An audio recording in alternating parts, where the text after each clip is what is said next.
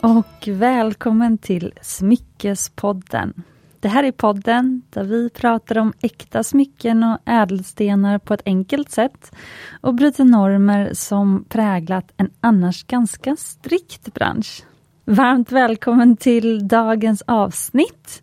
Idag skulle jag faktiskt egentligen haft en gäst här i studion. Men det blev framskjutet en vecka, så jag tänkte istället passa på att svara på några lyssnarfrågor som vi fått in på Instagram den senaste veckan. Och flera av dem handlar faktiskt om guld, vilket jag tyckte var lite spännande och lite lustigt att vi fick eh, flera frågor om guld just den här veckan. brukar jag inte få. Men sen så tänkte jag också passa på att prata lite grann om örhängen. Också lyssnarfrågor. Och jag trodde att det här skulle bli ett lite kortare avsnitt. Men sen så nu såg jag, för jag la precis ut på Instagram att jag skulle spela in ett avsnitt eh, om eh, framförallt örhänges Q&A idag. För det var där jag tänkte att eh, kanske fler har lite frågor, för vi har inte pratat så mycket om örhängen i podden.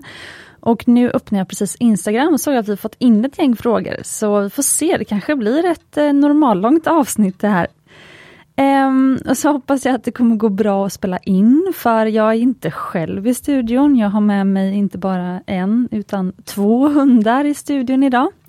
Jag är eh, tvåhundsmamma i tio dagar för att jag passar också min syrras hund. Men jag märker att han har en väldigt lugnande effekt på min lilla Maja, som är en lite sån här skränig hund. Så det kanske kommer gå det här. Men vi får se. Innan vi kör igång med Q&A så tänkte jag påminna faktiskt om att nästa vecka så har vi företagscoach Louise Lindén på besök. Hon har bland annat jobbat på Svenskt Tenn i 15 år. Hon har drivit konstgalleri och nu coachar hon entreprenörer och eh, VD inom kreativa branscher att driva lönsamma företag och nå ut med sitt budskap. Och Hon vill väldigt gärna ha frågor från er om vad ni funderar på i er verksamhet som de utmaningar som ni kanske brottas med. Så jag vill påminna om att du har chansen att få svar alldeles gratis här i podden från Louise på din fråga. Självklart anonymt. Så jag tycker att om det är någonting du funderar på, så gå in på Smyckespoddens Instagram, där vi heter Smyckespodden, nu direkt. Och så kan du skicka DM med den fråga som du vill ha svar på. Du kanske inte är precis där du vill vara i din business just nu. Du kanske känner att du har mer potential, du kanske inte får ut den ordentligt. Du kanske inte hittar de drömkunder som du känner att du vill nå. Så den typen av frågor tycker i alla fall jag skulle vara kul att höra Louise svara på. Jag kommer självklart också ställa lite frågor till henne. Men du måste inte heller jobba precis i smyckesbranschen. Du kanske jobbar med något annat, annat kreativt och då kan du ställa frågor om det. Och Det kan också vara faktiskt att du inte driver ditt egna företag. Du kanske jobbar som eh, marknadschef eller VD eller något på något annat företag. Och, eh, men då kanske man ändå vill ha lite sådär business coaching. Så ställ din fråga till Louise. Eh, vi har planerat att spela in på tisdag, så du har några dagar på dig nu efter det här poddavsnittet kommit ut. Så in och bidra och utnyttja den här möjligheten. Men nu kör vi igång med Q&A.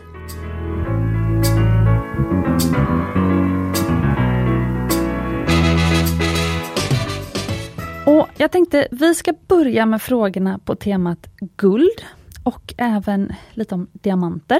Då har vi första frågan. Hej! Jag har några frågor som jag länge varit nyfiken på. Och Det är svårt att hitta svaren själv via en Google-sökning. Hoppas att ni kan hjälpa till. Jag undrar hur man testar gulds karathalt på ett säkert och prisvärt vis. Vilken utrustning bör man investera i? Och Då är mitt svar att i ateljén, när man får in kunders gamla smycken.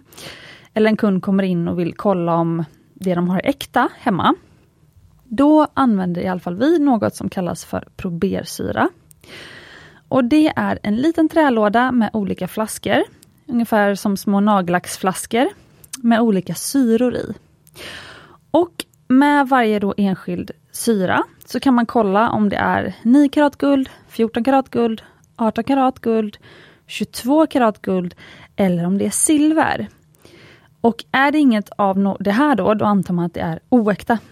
Men det man gör då, det är att man tar smycket som man då vill kontrollera och så skrapar man lite lätt med det här smycket, så då får man ta en, en del som kanske inte syns så mycket om det blir repor. Man skrapar det här, man tar smycket och skrapar på en liten stenplatta som ingick i den här, eller som ingår när man, i den här trälådan. Och då blir det som en liten, liten avlagring från metallen i smycket på den här stenplattan. Och sen så drar man, man penslar över de här olika syrorna. Och så kanske man börjar då med 9 karat guldsyran. Och så tittar man, ja, var det 9 karat guld? Så ser man så här, ja men det var faktiskt minst 9 karat guld. Och då drar man med nästa, ja var det 14 karat guld? Ja det var faktiskt 14 karat guld. Och sen kanske man drar med nästa och så ser man, ja det var 18 karat guld. För att när man drar, när man penslar med 22 karat syran, då får man inte samma effekt. Så man liksom går uppifrån och ner och, och så kan man se så här, är det guld? För att om den inte reagerar på till exempel 9 karat, den syran, då är det inte guld alls. Och då kan man ju kolla, ja då kan man använda den här penseln som visar med silver istället. Ja, är det silver då? Nej, det är inte silver heller. Ja, men då antar man att det är oäkta. Så använder man de här syrorna i alla fall så och så laborerar man tills man liksom hittar då vilken karathalt eller vilken metall det var. Men det här är ett väldigt farligt, en väldigt farlig liten låda. Det är massa ämnen i den här lådan som inte är bra att få i sig. Um, och eh, enligt EU-lagstiftningen så får inte vem som helst liksom köpa hem en sån här låda och äga den. Till och med vi som är i branschen måste ha en speciell försäkring för att få använda den lådan med de här syrorna i. Så jag tror inte att man kan liksom, titta så noga hemma exakt då vilken guldhalt eller silver det är. Men jag kan inte svära, men det är i alla fall vad jag tror. Men istället då, om man är en privatperson, man är inte i branschen, så tycker jag att, ja, dels förstås så kan du gå till din guldsmedja på hörnet. De borde kunna hjälpa dig att kolla då vad det är för metaller som är i ditt smycke. Men jag har också ett annat förslag. Och det är att jag kan säga att generellt, om du har ett smycke hemma, så kan du titta noga om du ser en stämpel på det. För att om det är ett äkta smycke, om det är guld, då är det nästan alltid en stämpel. Enligt lag så ett smycke som väger minst ett gram och uppåt ska alltid ha en stämpel. Det kan ju då göra att om du till exempel har ett litet örhänge, det är inte alls säkert att det väger ett gram. Så varje litet örhänge kanske inte är stämplat.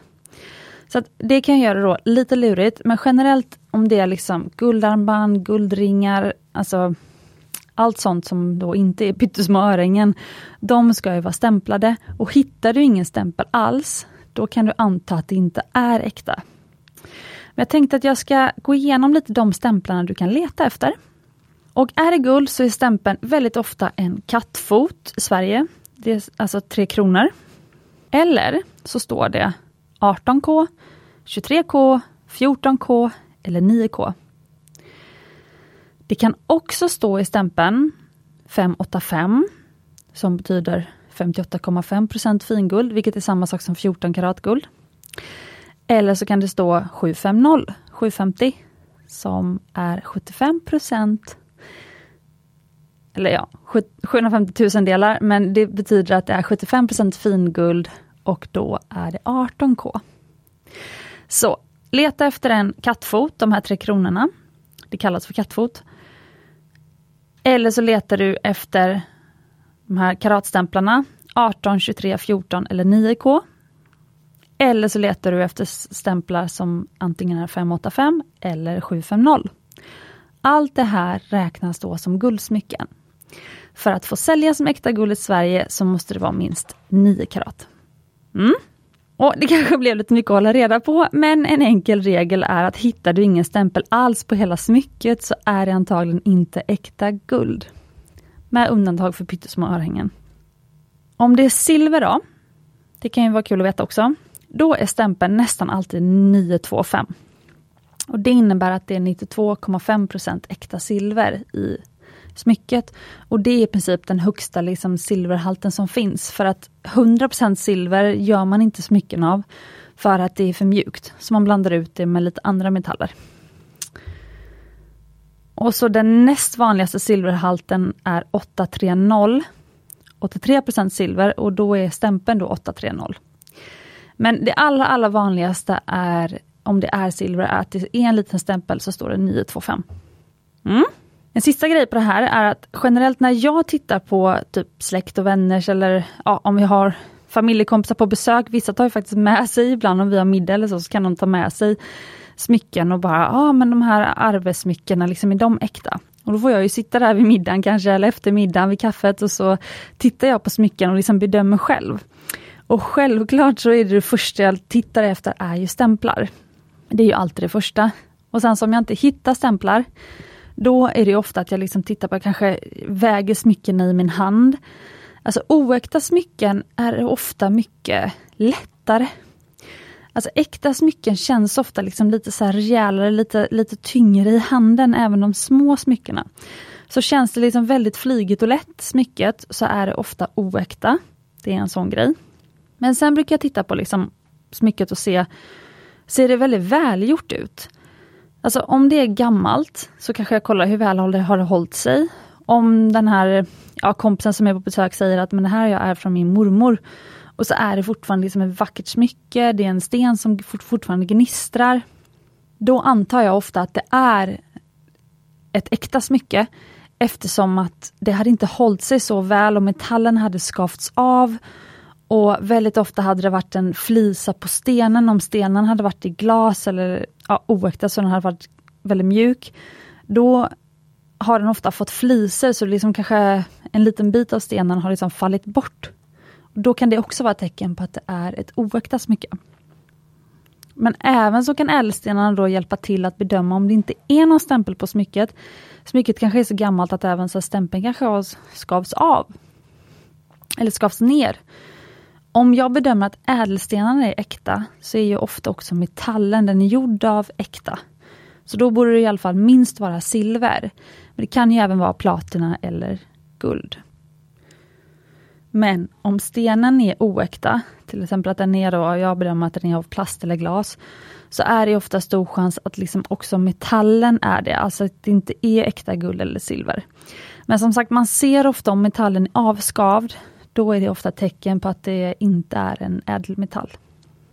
Så för att sammanfatta och svara på din fråga.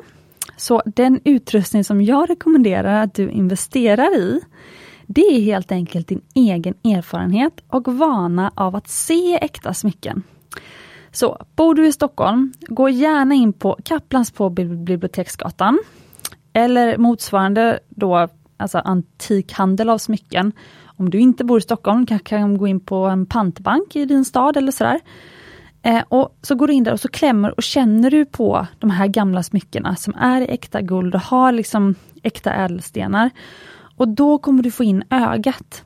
Du kan prova sen då direkt gå in i kanske en bijouteributik, alltså titta på oäkta smycken. Och när du liksom då direkt kan jämföra hur ser, såg ett äkta smycke ut och hur ser de här liksom oäkta smyckena ut då kommer du liksom, du kommer se det där, det är ungefär som när man lär sig att liksom känna på material på kläder, eller man lär sig att liksom i inredning, att liksom vad är mm, liksom det här vackra skåpet gjort av solidträ och det här skåpet som du köpte på Ikea som är gjort av MDF-skivor. Alltså, ju mer du omger dig med liksom det du vill lära dig om, desto duktigare kommer du bli. Så att eh, investera i din egen erfarenhet, tycker jag. Kläm och känn på massa smycken. Okej. Okay. Blev ett ganska långt svar, men eh, jag känner att eh, jag vill ändå svara noggrant. Och här kom faktiskt fråga två från samma tjej. Hon vill verkligen ha svar här, det är jättekul. Hur bedömer man diamanters kvalitet? Och kan man kontrollera att de är naturliga utan allt för dyr utrustning? Den första frågan. Hur bedömer man diamanters kvalitet? Det är ju då helt enkelt att det man bedömer när man bedömer kvaliteten är ju hur vacker och speciell diamanten är. Och det avgör ju då sen vad man ska betala för den. Men då finns det fyra faktorer som man tittar på för att avgöra då hur vacker och speciell diamanten är. Och då är det ju storleken såklart. Hur stor är den? Och sen så tittar man på hur mycket gnistrar den, hur symmetriskt slipad är den? För symmetri är ju vackert för ögat. Sen tittar man på hur vit är den, ju vitare desto dyrare generellt. Och sen så tittar man på hur ren är den? Alltså har den några fläckar eller inneslutningar som man kan se. Och inneslutningar då, bara för att förklara det, det är ju som, ofta som sprickor i stenen som har kommit när den bildades i berggrunden. Så det har inte kommit liksom efteråt, utan det är en del av liksom stenens liksom naturliga, ungefär som ådror i trä eller något sånt. Så jag kan tycka att inneslutningar är lite som skönhetsfläckar som bara visar liksom naturens hand. Så kan jag tycka. Så jag är inte jätteobsessed med inneslutningar. Men generellt så ju renare, ju färre inneslutningar en diamant har eftersom att det är ovanligt att den då är helt ren och inte har inneslutningar. Då blir det mycket dyrare. Så. Men att bedöma då de här kvaliteterna, det är ju inget som man bara gör i guldsmeden med liksom blotta ögat, utan när guldsmeden köper in diamanten så är den redan kvalitetsbedömd i ett labb. Och Det kanske mest kända labbet är GIA, Gemological Institute of America. Och det var ju de som, om ni har hört diamantavsnittet för länge sedan höll jag på att säga, det var avsnitt 24 som kom ut faktiskt 3 juni förra året. Det heter det stora avsnittet om diamanter. Då pratar jag väldigt mycket om JA och det här kvalitetssystemet och sådär. Väldigt spännande. Men det var ju de då som på 1950-talet skapade systemet som fick namnet The Four Seas of Diamond. Och där standardiserade man över hela världen, så nu är det hela världen på samma sätt i princip. Exakt hur man ska bedöma diamanterna då. Så det gör ju att det har blivit liksom ganska enkelt, alltså när du köper diamanten så får du liksom exakta kvalitetsindikationer.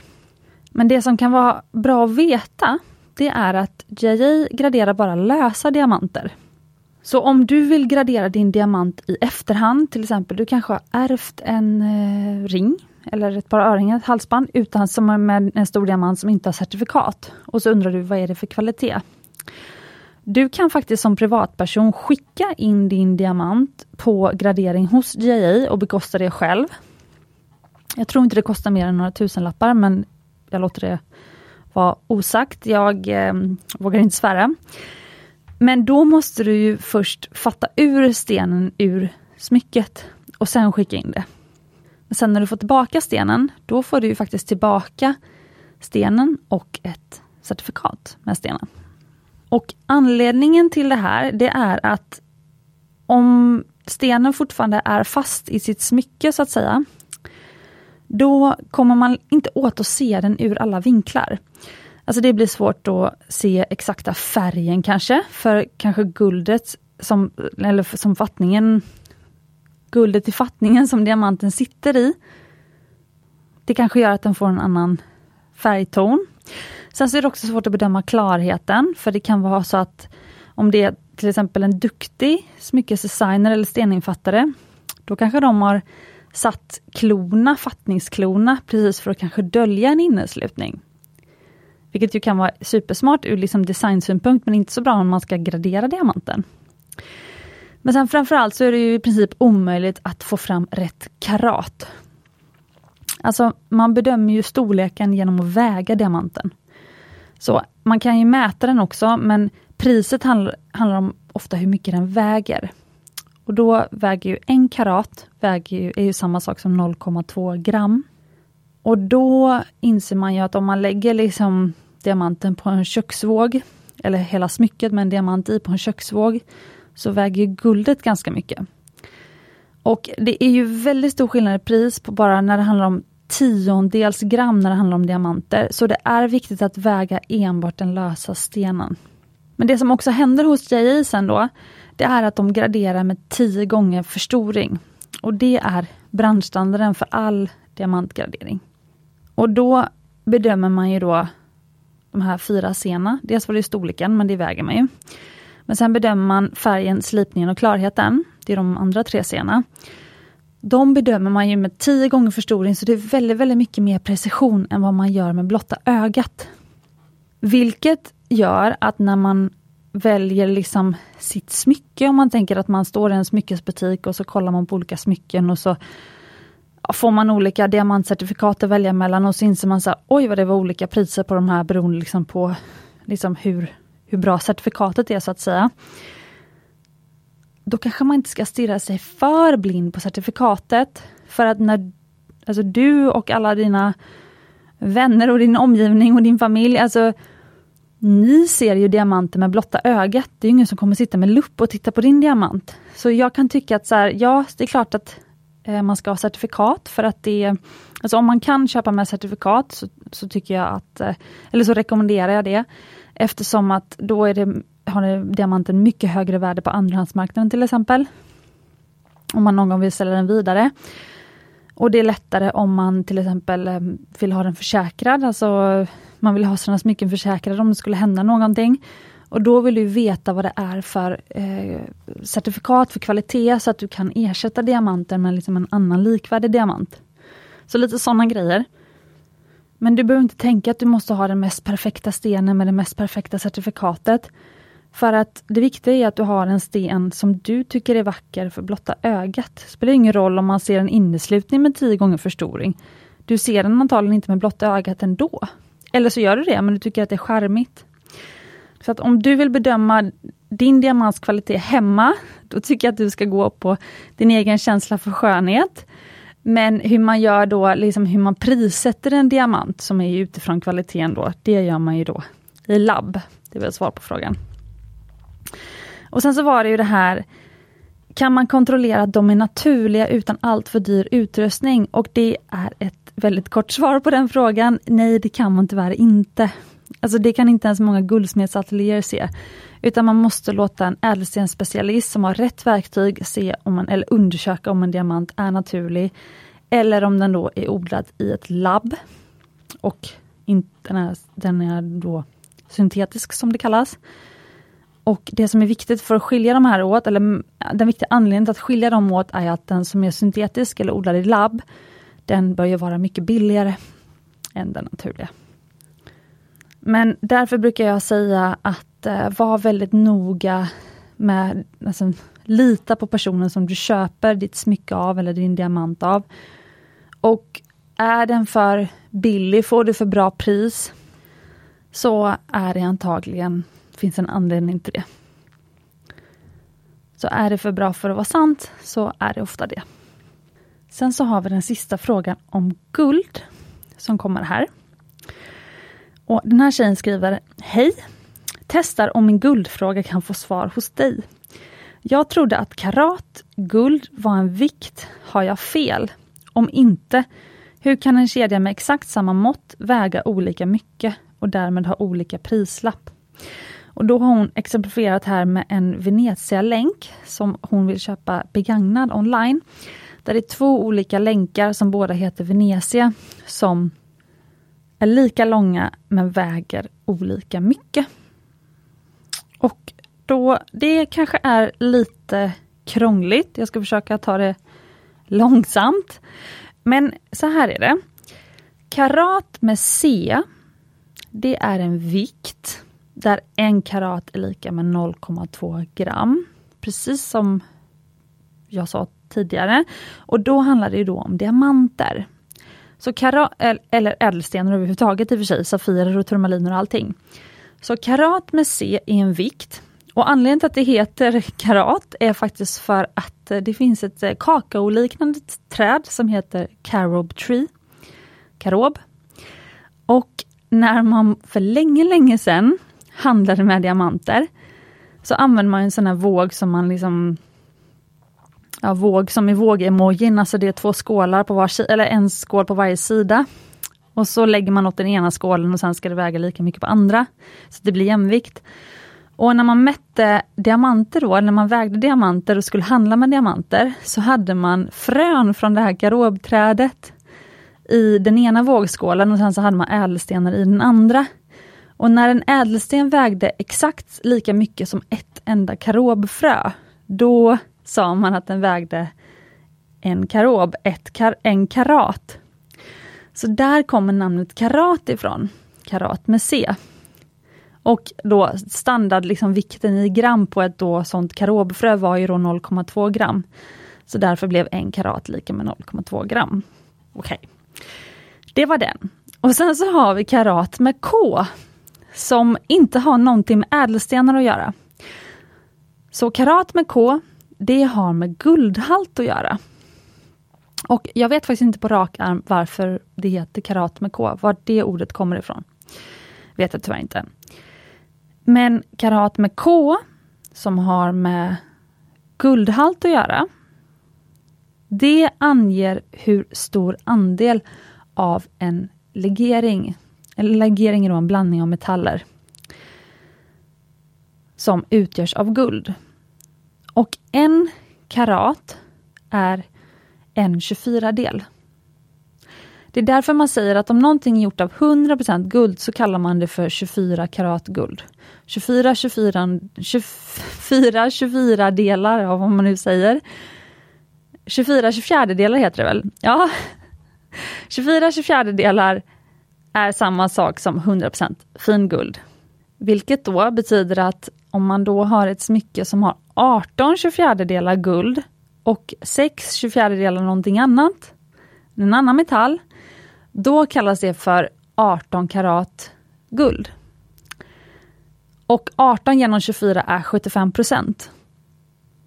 Så ett 18 karat guldsmycke innehåller 75 procent finguld. Och finguld kallas då den här liksom ädla metallen guld, AU. Och nu blir jag orolig att det blir alldeles för krångligt här, men det är ju tyvärr lite, vad blir det? Det blir eh, kemi blir det. Jag Höll på att säga fysik, men det är ju lite kemi det här. Och eh, det kan ju vara lite krångligt och jag inser nu, herregud vilket svårt jobb eh, eh, kemiläraren har. Men eh, det är också därför nu som i början av avsnittet så sa jag ju det här med att eh, ett 18 karat guldsmycke kan faktiskt också vara stämplat med 750, 750 istället för 18K. Så 18K-stämpel och 750-stämpel betyder samma sak. Och 750 betyder ju 750 000 delar vilket är 75% finguld, vilket är samma sak som ett 18 karat guldsmycke. Så, nu kanske liksom man i alla fall bundit ihop den delen så man förstått det. Men det betyder i alla fall då, för att komma tillbaka till hennes eh, fråga om hur liksom en, om liksom två 18 karat Venezia-länkar, Venezia är då en design på en liksom, ja, halsbandslänk. Men hur kommer det sig att två 18 karat länkar kan väga olika mycket? Så är det antal, så är det ju just precis eftersom att 18 karat har ingenting att göra med själva vikten. Alltså ett 18 karat halsband kan ju väga 5 gram eller liksom 50 gram beroende på liksom hur tjock länken är. Så karat med K har ingenting med vikt att göra. Utan det har bara att göra med andelen guld i själva liksom, guldlegeringen som kedjan är gjord av. Men det betyder då att de här två olika Venezia-länkarna, anledningen till att de båda är lika långa, båda var 46 cm, men de väger olika mycket och därför så har de också väldigt olika pris på de här sajterna som hon är inne och ska handla på. Det är för att antagligen så är den ena länken gjord av kanske en kraftigare guldtråd, den har kanske eh, tätare öglor. Alltså den väger mer för att det är helt enkelt mer metall i den. Så det är mycket mer guld i den och därför blir den dyrare. Och den tunnare länken, eller den, som väger, den länken som väger mindre, den är lika lång men den kanske har eh, jättestora öglor, väldigt mycket håligheter och den väger helt enkelt mindre då. Så jag hoppas att det var svar på den frågan och jag hoppas att det inte blev för rörigt. Jag försöker verkligen vara tydlig men det är eh, lite svårt eh, att eh, Ibland vet jag inte själv förrän jag lyssnar på avsnittet om jag var tydlig eller inte. Men nu tänkte jag att vi ska gå in på lite lättare frågor i alla fall. För nu ska vi gå in på örhängen. Så vi kör en liten helomvändning här. Men på örhängen då så har vi första frågan. Hur kombinerar man och stackar örhängen på ett snyggt sätt? Alltså om man har flera hål i samma öra. Och Det här med örhängen, det verkar faktiskt dela in oss smyckesälskare i två läger. Alltså antingen älskar vi att fylla på med hål längs hela örsnibben och så har vi liksom olika örhängen i varje hål. Eller så håller vi oss till ett hål i varje örsnibb och så har vi alltid matchande örhängen kanske. Eller kanske omatchande, men man vill i alla fall bara ha liksom varsitt hål i varje örsnibb. Och faktum är, när jag har märkt att många örhängesälskare, de tillhör den andra kategorin. Alltså de kanske älskar örhängen, men de vill inte ha fler hål, de har bara ett hål i varje. Men sen så byter de örhängen istället varje dag, beroende på liksom vilken outfit man har. Och de som tillhör samma kategori som jag tillhör, vilket är att vi gillar att ha många hål, vi byter inte örhängena. Alltså jag byter sällan ut mina örhängen. Jag har massa örhängen men jag, alltså i öronen, jag har åtta hål. Men jag byter inte ut dem för att det blir liksom, det är basgarderoben liksom. Jag byter ut mina ringar och armband istället. Men jag har tre tips för att skapa en intressant örhängestack. Och då är mitt första tips, alltså örhängesstack då om man har många hål och vill kombinera. Första tipset är att skapa dynamik. Alltså Välj en färgskala, typ vita diamanter har jag valt. Men skapa dynamik genom att kombinera olika liksom, designs och motiv. Och då kan man få liksom, en stack som, med bara så guld och diamanter. Som egentligen borde ju man kan tycka att det borde se helt lika ut. Men eftersom alla örhängens design är så olika så blir det ändå väldigt spännande. Som jag har, ja, vad har jag nu i örat? Jag har några som hänger ner, jag har några eh, studs, jag har några hoops, jag har ett litet eh, diamantlöv, ett litet kvinnotecken. Alltså det finns ju många sätt att liksom skapa den här härliga dynamiken i ditt, din örhängestack, men ändå liksom ha till exempel då guld och diamanter. Och Det som jag tycker är skönt med att ha liksom bara en färgskala, just att ha då guld och diamanter, det är att det, eftersom jag inte vill byta ut mina örhängen hela tiden, då passar ju de till liksom alla mina kläder och vad jag än liksom har på mig i övrigt och vilka ädelstensfärger jag har på ringar eller på handleder och sådär. Så att då tycker jag det är skönt, guld och vita diamanter och sen så byter jag ut liksom olika färger och sånt på, liksom, på mina andra smycken. Mitt andra tips det är att variera abstrakta designs som till exempel en rad med diamanter eller ja, något sånt som liksom inte visar en symbol. Variera det eller blanda upp det med just symboler och motiv som kanske berättar något om vem du är. Till exempel här diamantlövet som jag har, det har jag haft i säkert fyra år tror jag örat nu. Och det har att göra med liksom naturen, jag gjorde det när jag var i Tulum i Mexiko. Alltså det har väldigt mycket liksom med ja, men natur för mig att göra och det blir som en symbol för liksom saker som jag brinner för. Så att välj ut liksom någonting som, som får bli ett motiv men jag kan tycka att det blir lite mycket att ha massa olika motiv. Alltså jag vet att det finns en trend nu med att man ska ha en stjärna och en blixt och ja, allt vad man ska ha i sina öron. Men jag kan tycka att så här, om du väljer ut ett eller två motiv bara. Typ jag skulle vilja göra ett örhänge med en liten hundtass. Tycker jag skulle vara gulligt. Alltså då, då, då får man ju mer då berättar du ju mer om vem du är om du väljer ut några välvalda motiv som verkligen liksom signalerar vem du är. Och sen så har du kanske lite mer abstrakta design som kanske inte ja, visar någon specifik symbol. Som liksom dekoration i resten som bara får liksom blinga upp dig. Och mitt tredje tips det är att överraska det är lätt att tänka att man måste till exempel bära det största örhänget längst in och sen så ju mindre de blir desto längre ut på örsnibben eller liksom längre ut på örat ska liksom det sitta. Men jag kan tycka det är coolt att bära liksom kanske i eh, menar, ett jättestort örhänge i liksom hålet, hål nummer fyra eller hål nummer tre. Du måste ju inte alltid bära liksom det största örhänget längst in. Så våga överraska lite. Så det är mina tre bästa earstacking tips just nu. Och så skrev jag ju som sagt på, ins på Instagram nu för några timmar sedan att jag skulle spela in det här qa avsnittet om örhängen. Och eh, på bara några timmar så har jag fått in fyra till frågor. Ska se om det kommit in någon, någon mer. Fyra frågor har kommit in. Jättekul! Och då är första frågan.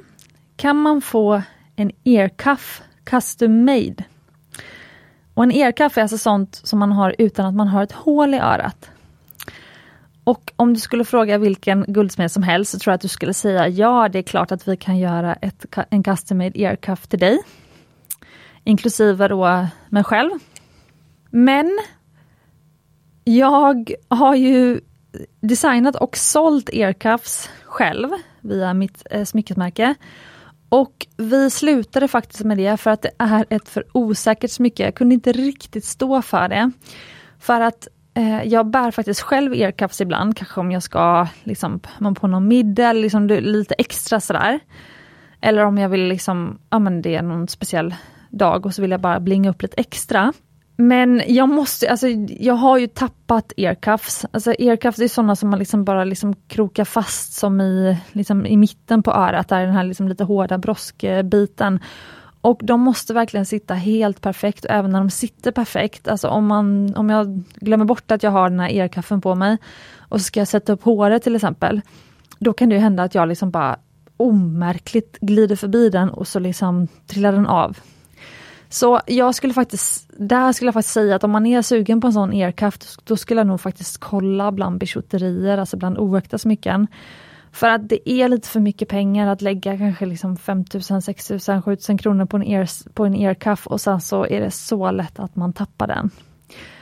Så jag gillar earcuffs, tycker det är supercoolt och det passar inte riktigt för mig, att min eh, mitt öra läker inte riktigt om jag skulle ta ett hål i, i brosket så att det funkar inte riktigt för mig att, att ha hål där uppe. Jag har alla mina örhängeshål på liksom de mjuka delarna. Eh, så att liksom, jag gillar ju verkligen earcuffs tanken på att slippa liksom, ta hål där. Eh, men jag skulle ändå säga att om man inte har, om man inte har obegränsat med pengar så är det lite risky att eh, just satsa på aircuffs. Så då kanske jag ändå hade ja, tagit hål eller liksom kollat eh, bland bijouterier. Man kan säkert kolla hitta coola online om man söker liksom kanske från USA eller sådär. Där har de mycket liksom väldigt så spännande smyckesdesign som man liksom bara kan klicka hem för en, inte en alltför dyr penning. Fråga två. Hur mycket ska man spendera på en vardaglig kombination av små öronsmycken? Äkta guld. Det här var ju en väldigt spännande fråga tycker jag. Ehm, och eh, hur mycket man ska spendera. Jag frågade min kille så har ju han en siffra och frågade mig så har jag en väldigt mycket högre siffra. Alltså det beror ju helt på vad man eh, vill lägga sina pengar på. Ehm, jag gillar ju, jag, jag är ju sån som tycker det är kul att lägga pengar på liksom saker som jag har runt mig. Alltså jag tycker det är kul att lägga pengar på på kläder, på smycken, på inredning och sånt. Saker som jag har runt mig varje dag. Um, och som man liksom ser, som jag liksom blir, om man är väldigt visuell brukar jag säga, alltså man mår bra av att liksom ha vackra grejer runt sig. Jag tror att vi faktiskt är olika där, olika människor. Och uh, alla liksom blir inte lika påverkade av liksom ja, prylar och det man har runt sig och vissa är jätteno jättenoga med hur, liksom, menar, hur, hur hemmet är inrett och sånt där. Så generellt tycker jag att liksom, klart man ska prioritera sitt, sitt välmående och lägga mer pengar om man är en väldigt visuell person. Men sen finns det också det här, vad bör, jag vet inte om, det, om, om den här tjejen kanske undrar, liksom, vad bör det kosta? Alltså vad är rimligt att lägga? Och det är väl lite svårt, alltså mitt smyckesmärke Mumbai är ju absolut inte det billigaste. Vi gör ju allt i, i Sverige och det, vi har höga produktionskostnader och även om vi säljer liksom nästan alla smycken via våra egna kanaler, så går det att hitta mycket billigare liksom, smycken än de vi gör. Men våra örhängen som är liksom de minsta, med bara liksom några små diamanter och ska man bära med örat, de kostar ju från ja, men, 3000 kronor och uppåt. Men om man skulle liksom leta online kanske man skulle hitta de motsvarande mycket billigare.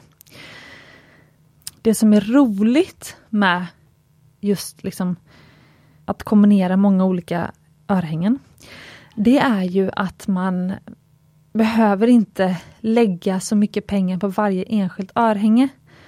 Så till exempel, eh, man kanske tycker att det är läskigt att lägga jättemycket pengar på ett par örhängen för att det är så stor risk att man tappar det ena och då har man bara ett örhänge kvar som man inte har en liksom kompis till. Men om man då kombinerar många örhängen istället, då kan man ju liksom ja, men, lägga mellan 3 och 8000 kanske på varje smycke. Och så gör det liksom inte, det blir inte en katastrof om man då tappar något av det. Och liksom förr eller senare så brukar man ju tappa i alla fall några av sina örhängen liksom under livets gång. Så att det kan ju vara liksom roligt då att så här, ja, men då har jag hellre flera olika örhängen istället för bara liksom lägga ja, istället för bara ha ett par örhängen. Och då får du också någonting som är väldigt unikt, väldigt personligt för dig. Ingen kommer ju ha exakt samma uppsättning örhängen som du har. Så det är väldigt roligt det här med att kombinera. Men sen så är det ju det här om du kanske vill ha ett av örhängen ska sticka ut och vara en lite speciell design eller sådär. Kanske du får lägga lite mer på just det. Och sen kan du liksom, de andra örhängena du har kan vara liksom lite billigare då till exempel. Men det är det som är roligt också med att ha just den här earstacken och liksom att ha ett gäng olika hål i öronen. Att man kan bygga liksom en basgarderob av örhängen som ändå blir ganska liksom blir, ah, Du kan komma undan ganska billigt inom citattecken för att vara äkta smycken jämfört med att bygga upp en basgarderob av ringar till exempel. Så generellt så är ju liksom små söta örhängen är ju liksom billigare än att till exempel köpa ett gäng olika ringar. För att inte tala om armband som är bland det dyraste man kan köpa för att det är ofta så mycket guld i dem. Och sen också halsband kan också bli ganska dyra faktiskt. Så att örhängen är väl i och för sig den, liksom, den lilla liksom, nischen inom äkta smycken som faktiskt kan bli ganska ja, överkomligt i pris faktiskt. Mm, jag vet inte om det var en bra fråga, eh, förlåt, bra svar på, på en bra fråga. Men eh, det, jag får nog eh, gå vidare till nästa fråga nu. Jag känner att jag har svarat det jag, eh, de tankarna som kom upp. Hur ska man tänka om man är orolig för att tappa örhängen? Vilka modeller är bäst då? Okej, okay, men då har jag faktiskt lite svarat på det nu då. Men ett svar är väl, var inte så orolig för att tappa örhängen. Eh, ha gärna några olika så att det inte är katastrof om du, alltså lägg inte alla pengar på bara ett par örhängen som du alltid bär för att då blir det en väldigt stor katastrof när man, om man tappar det. Dels för att man känner sig väldigt fäst vid det för att det är ens, de örhängen man alltid har. Men sen också att det kanske blir väldigt dyrt att ersätta. Det är inte säkert att man kan köpa bara ett örhänge sen, utan du kanske måste köpa ett helt nytt par. Den andra grejen är att jag tycker generellt att typ Huggies, alltså de här eh, om man säger, kreolörhängena som liksom kramar om örat som, man liksom, som är som cirklar som man fäster eh, som blir som en cirkel i örat som inte har en, en pinne med en så att säga en så kallad snurrebuss bakom. Som är det klassiska. Det kallas för snurrebuss, den här lilla fjärilsgrejen som är på baksidan av örat som håller fast den här pinnen. Så att huggies som är liksom som små, små hoops som kramar om örsnibben, de är generellt sett väldigt stabila. Alltså de är väldigt svårt att tappa. Jag har aldrig tappat en huggy i alla fall. Eh, de som är lättast att tappa är ju helt klart stora hoops. Speciellt stora hoops som kanske har eh, eh, som inte är runda hela vägen utan de har en eh, de slutar kanske efter en, de, efter en tre fjärdedel och sen så har de en eh, pinne med en snurrebuss bakom. De är lätta att fastna i och med halsduk och om man travar på sig en varm tröja. Kanske även nu på våren, då kanske man liksom har på sig en varm tjock, tjock tröja på morgonen och sen så på, på lunchrasten så blir man jättevarm när man går ut. Och så vill man ta av sig tröjan och så fastnar den här stora liksom, hoopen eller kreolen. Så de är ganska risky kan jag tycka. Eh, men sen så örhängen som du ofta tar av och på. Alltså om du sliter ut snurrebussen till exempel, så snurrebussen inte fäster lika bra. Då är det också stor risk att du tappar det. Så håll koll så att liksom den här liksom snurrebussen, att det, det ska vara ganska svårt att liksom trä på den på örhängespinnen. Och då, för den ska verkligen sitta liksom säkert. Så det är en sån grej. Ofta tappar man ju ett örhänge först genom att man har, liksom snurrebussen har glidit av. Så det är väl en sån grej att tänka på. Men jag skulle nog faktiskt säga att liksom, det finns inga riktiga garantier för att aldrig tappa sina örhängen. Så att var lite noga när du har på dig väldigt stora hängande örhängen. Var lite noga med liksom, ja, men vad du gör under dagen och se till att liksom ha koll på örhängena och liksom känna efter så att du liksom trycker till den här snurrebussen så att den sitter stabilt och sådär. Men eh, som liksom vardags, vardagssmycken har då liksom mindre örhängen och eh, några sådana här, kanske diamanthaggis tycker jag är så fint. Eh, som liksom du inte behöver tänka på eller vara orolig för. Jag har inte tappat några, nu försöker jag tänka här, men jag har inte tappat några av mina små diamantörhängen som har den här pinnen med snurrebuss bakom. Och som sitter liksom som studs, heter det när det liksom sitter verkligen tätt mot örsnibben. Jag har aldrig tappat någon sån. Så att, eh, ja. Som varje dagsmycken har mindre örhängen. Och när du är på fest eller du vill vara eh, liksom, särskilt fin någon dag, då kan du ha de här lite större. Men då får du också liksom, tänka på lite vad du gör den dagen. Så att du har koll på den örhängen.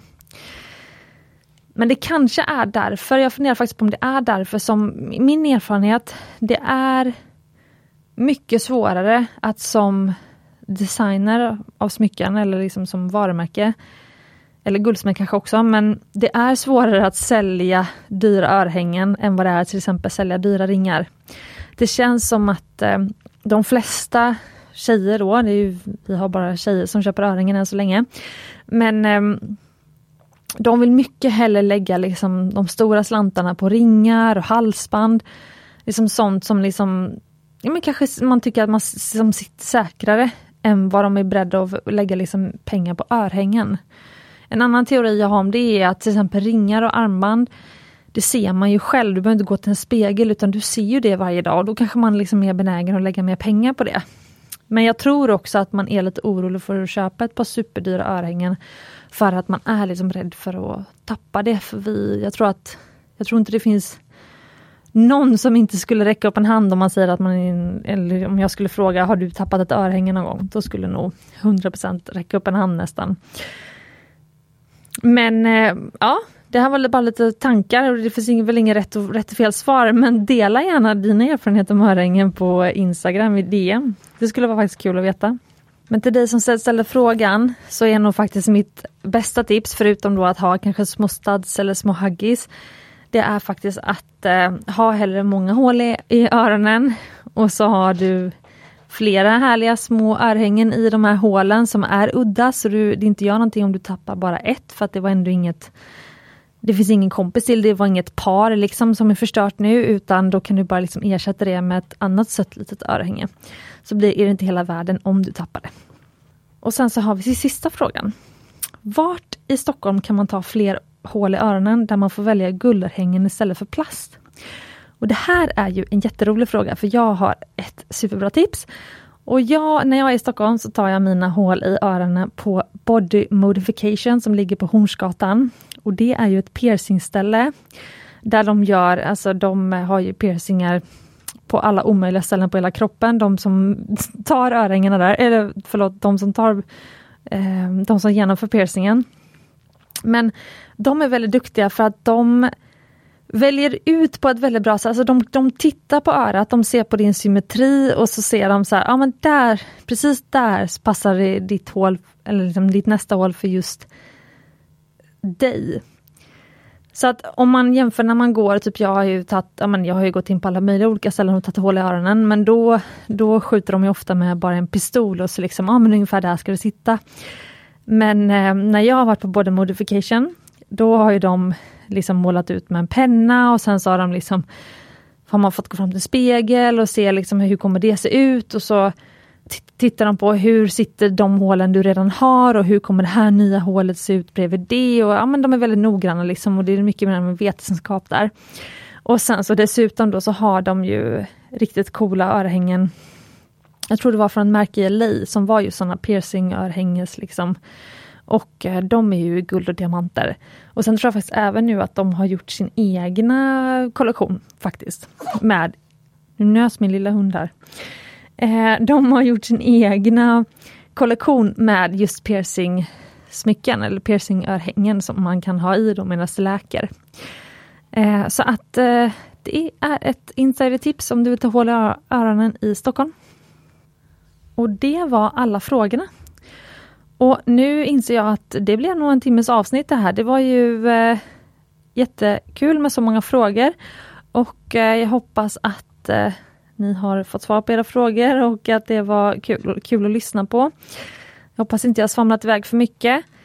Eh, och eh, så glöm nu inte då att eh, företagscoach Louise Lindén kommer komma nästa vecka. Och då skulle det vara väldigt kul om ni som är i branschen eller är en annan kreativ bransch och eh, har tankar om ni passade på att få gratis hjälp från Louise. Och självklart så kommer det som sagt vara anonymt. Så skicka in dina frågor på DM så kommer jag ställa dem till Louise. Och med de orden så hoppas jag att du får en fortsatt superhärlig dag och eh, att du kommer ihåg att du är värd äkta smycken, ädelstenar, örhängen, guld och diamanter.